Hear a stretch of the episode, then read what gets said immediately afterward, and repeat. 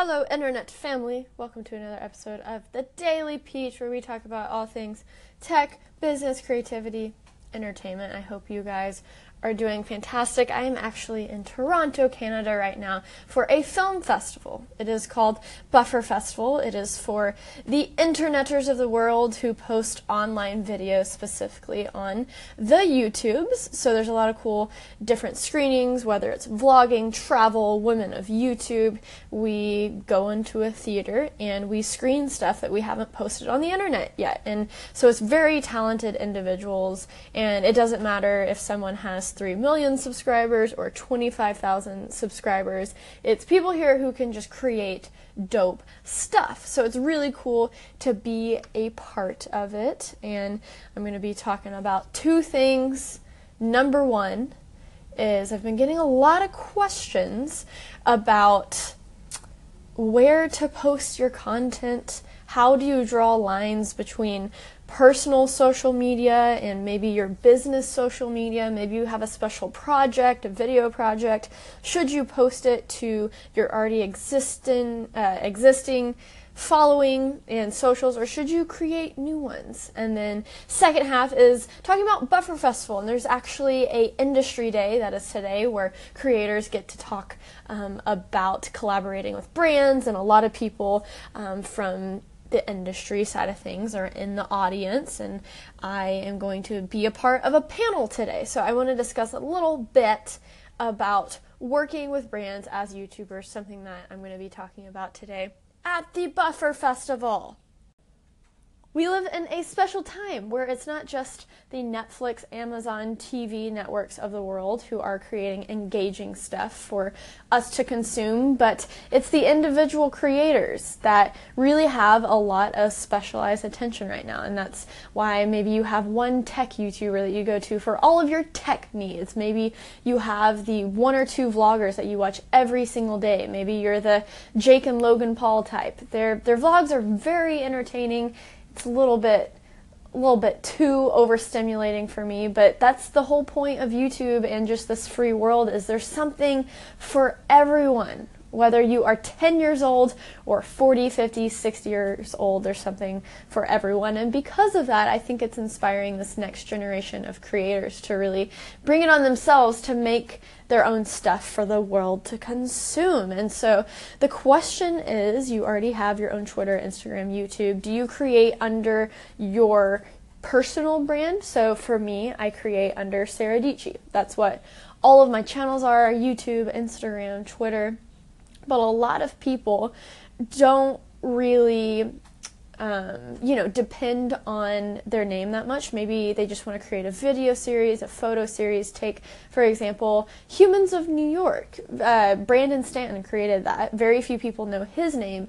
but everyone knows Humans of New York as the Tumblr, Instagram, Facebook blog of pictures in New York City telling really emotional, deep stories. But that's a good example of just diving into a brand in itself and not relying on the personal side of things. You know, he's not creating under his name Brandon. So I think you have to ask what is your purpose. So when I'm creating, whether it's a tech video or a vlog or even one of my series like uh, that creative life, everything is under Sara Dietschy because my goal in life, that sounds kind of weird, but my goal in the business realm is to really have everything that I do go back to building up my name, building credibility behind my name. So as I move forward and try any business ventures or maybe try to produce more uh, you know, well thought out content, there's that credibility behind my name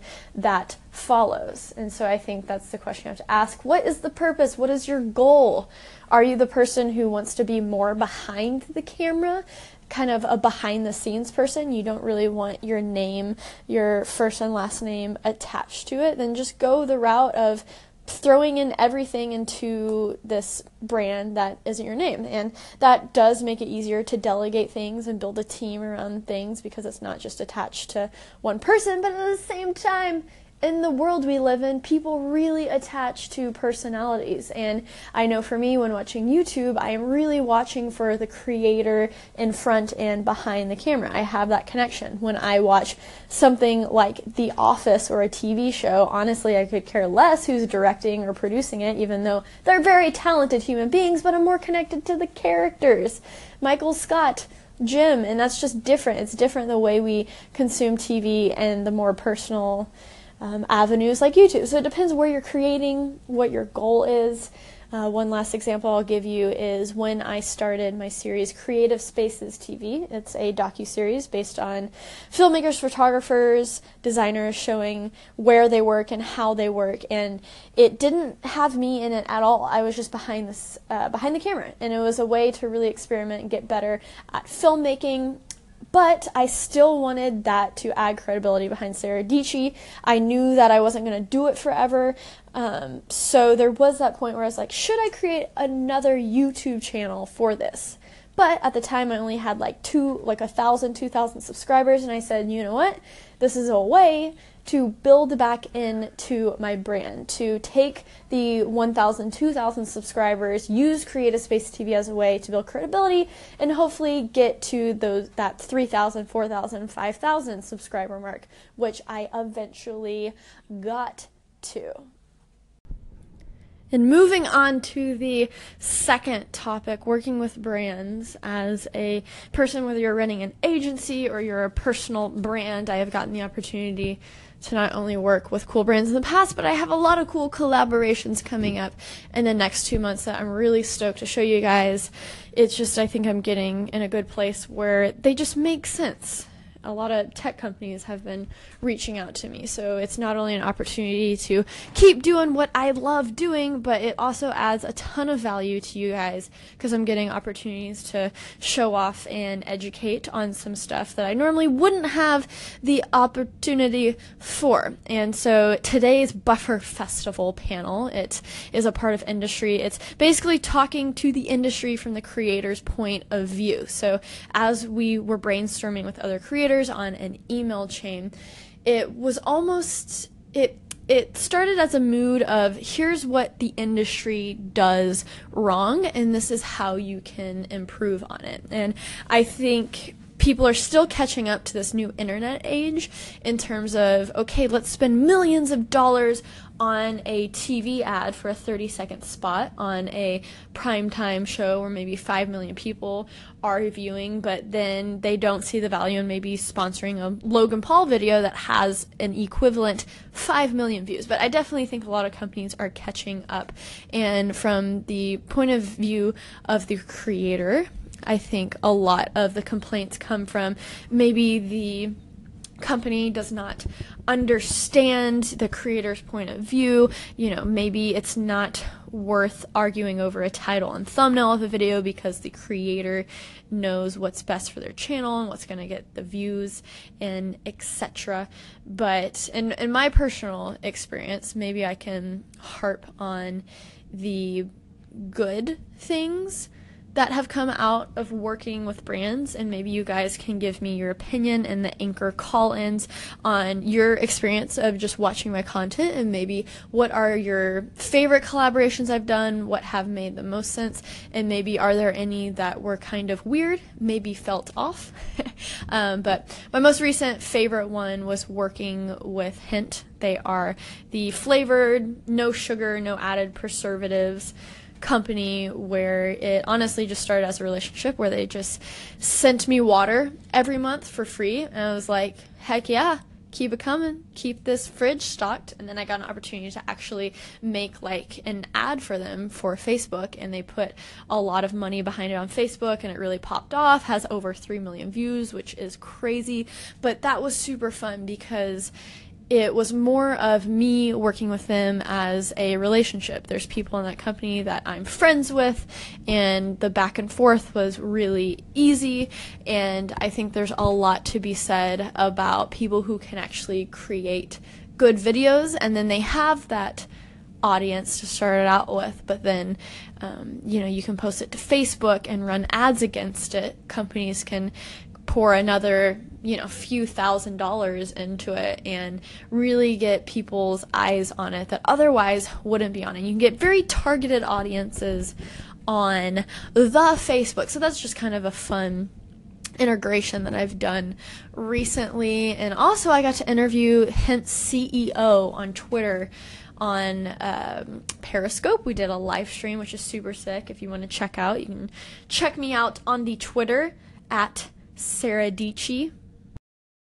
Finish off today's podcast. Some final words from Jonathan Hill, who is also a YouTuber. He has begun working with brands in the past three three, four to five months, and he has an interesting perspective because I feel like before I did YouTube or any of that, I did a lot of corporate work where it wasn't making videos for brands on my channel, but it was just making videos for brands, period. I would film an interview, slap together a video, and then they would post it on their channels internally or externally. So I had some experience with that. But Jonathan Hill, yeah. what do you do on your YouTube channel? On my YouTube channel, I make a lot of content with skateboarding involved, and then I, I just I just try to make pretty artsy films a lot, and uh, yeah, it's been fun. Yeah, and so you are amazing at making videos. Dude, thanks. Very talented. And you're basically a regular over here on the Daily Peach. Everyone, everyone knows who you are Appreciate from the Progress Daily Show. But what is maybe an interesting experience you've had, or maybe something you wish was different about the brand creator relationship, or how was just your experience? And then I'm going to add even another question, just another just maybe throw it all on me right now. Yeah. What is maybe a piece of advice for people out there who want to create an agency, who want to create a personal brand and also work with other brands? Gosh, this is a very heavy question, but my experience, I'm so, so new to it. I've never created anything for any company before. So for me, it's actually kind of exciting to try to create within a creative bubble. I actually took that quote from Sara Dietschy because she said it in my video the other day because I was shooting a brand deal. So, so far it's been fun. And fortunately for me, since I am someone who can already make a living doing what I do, is, you know, of course, client work is a bonus. Usually they try to offer you something that you can't get on your own, which most of the times is just more money and the ability to work with a brand deeply. So for me, it's been really cool to build a relationship with brands. Uh, that's actually been cooler than the whole idea of just receiving whatever they're trying to give me.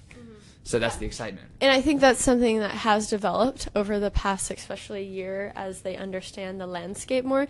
It's almost more of a collaboration. It's like, hey, okay, maybe we want a dedicated video. We want you to make an entire video for us, but let's hear your ideas. How can this make sense on your channel? And I think that's one thing that every brand could probably still do better at is just hearing out the creator. It's like, what's going to make sense with right. your audience. I will say one thing is a lot of brands will approach uh, someone who is part of a a thing. Like I'm part of skateboarding, and they'll they'll approach me and give ideas on what they think will be a good idea f- with skateboarders. And maybe they're right to appeal to the masses, but I have definitely had to turn down. Um, I mean, probably about ten brand deals that were just so off the wall. Like, since you're a skater, maybe you can uh, walk around. Do I don't know, just a, like a, a stupid ad- ad- advertise our robot vacuum cleaner. Yeah, I'm like I'm like and it has nothing to do with what I do and it's so not on brand and I've had, you know, companies that promote really really bad drinks. Yeah. I, it's it's hard to say. Sugary drinks. Right, exactly. And it was like something I definitely couldn't get behind, something that totally doesn't make sense for a skateboarder to have. And that's a whole nother conversation is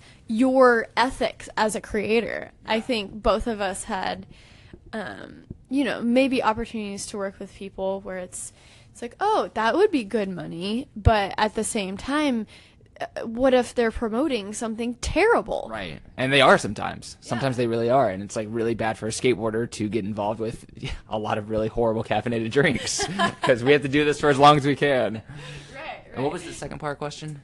Um, I guess just any advice you'd have for people out there who who are trying to create on their own, whether personal brand or agency? Oh, I honestly, this is my advice. I, I would find uh, things that really inspire you and, and try to try to hone into that and create content that is your take on something that really inspires you because you're an audience of that person's content and then of course you can put your own spin on it and people who enjoy their content uh, will probably like what you have to say as well but they'll also build a relationship with you and they'll love you truth So we're here at Buffer Festival, Toronto, Canada this weekend. So maybe I'll be talking to some other fellow YouTubers and humans. So stick around for the Daily Peach. It's gonna be daily.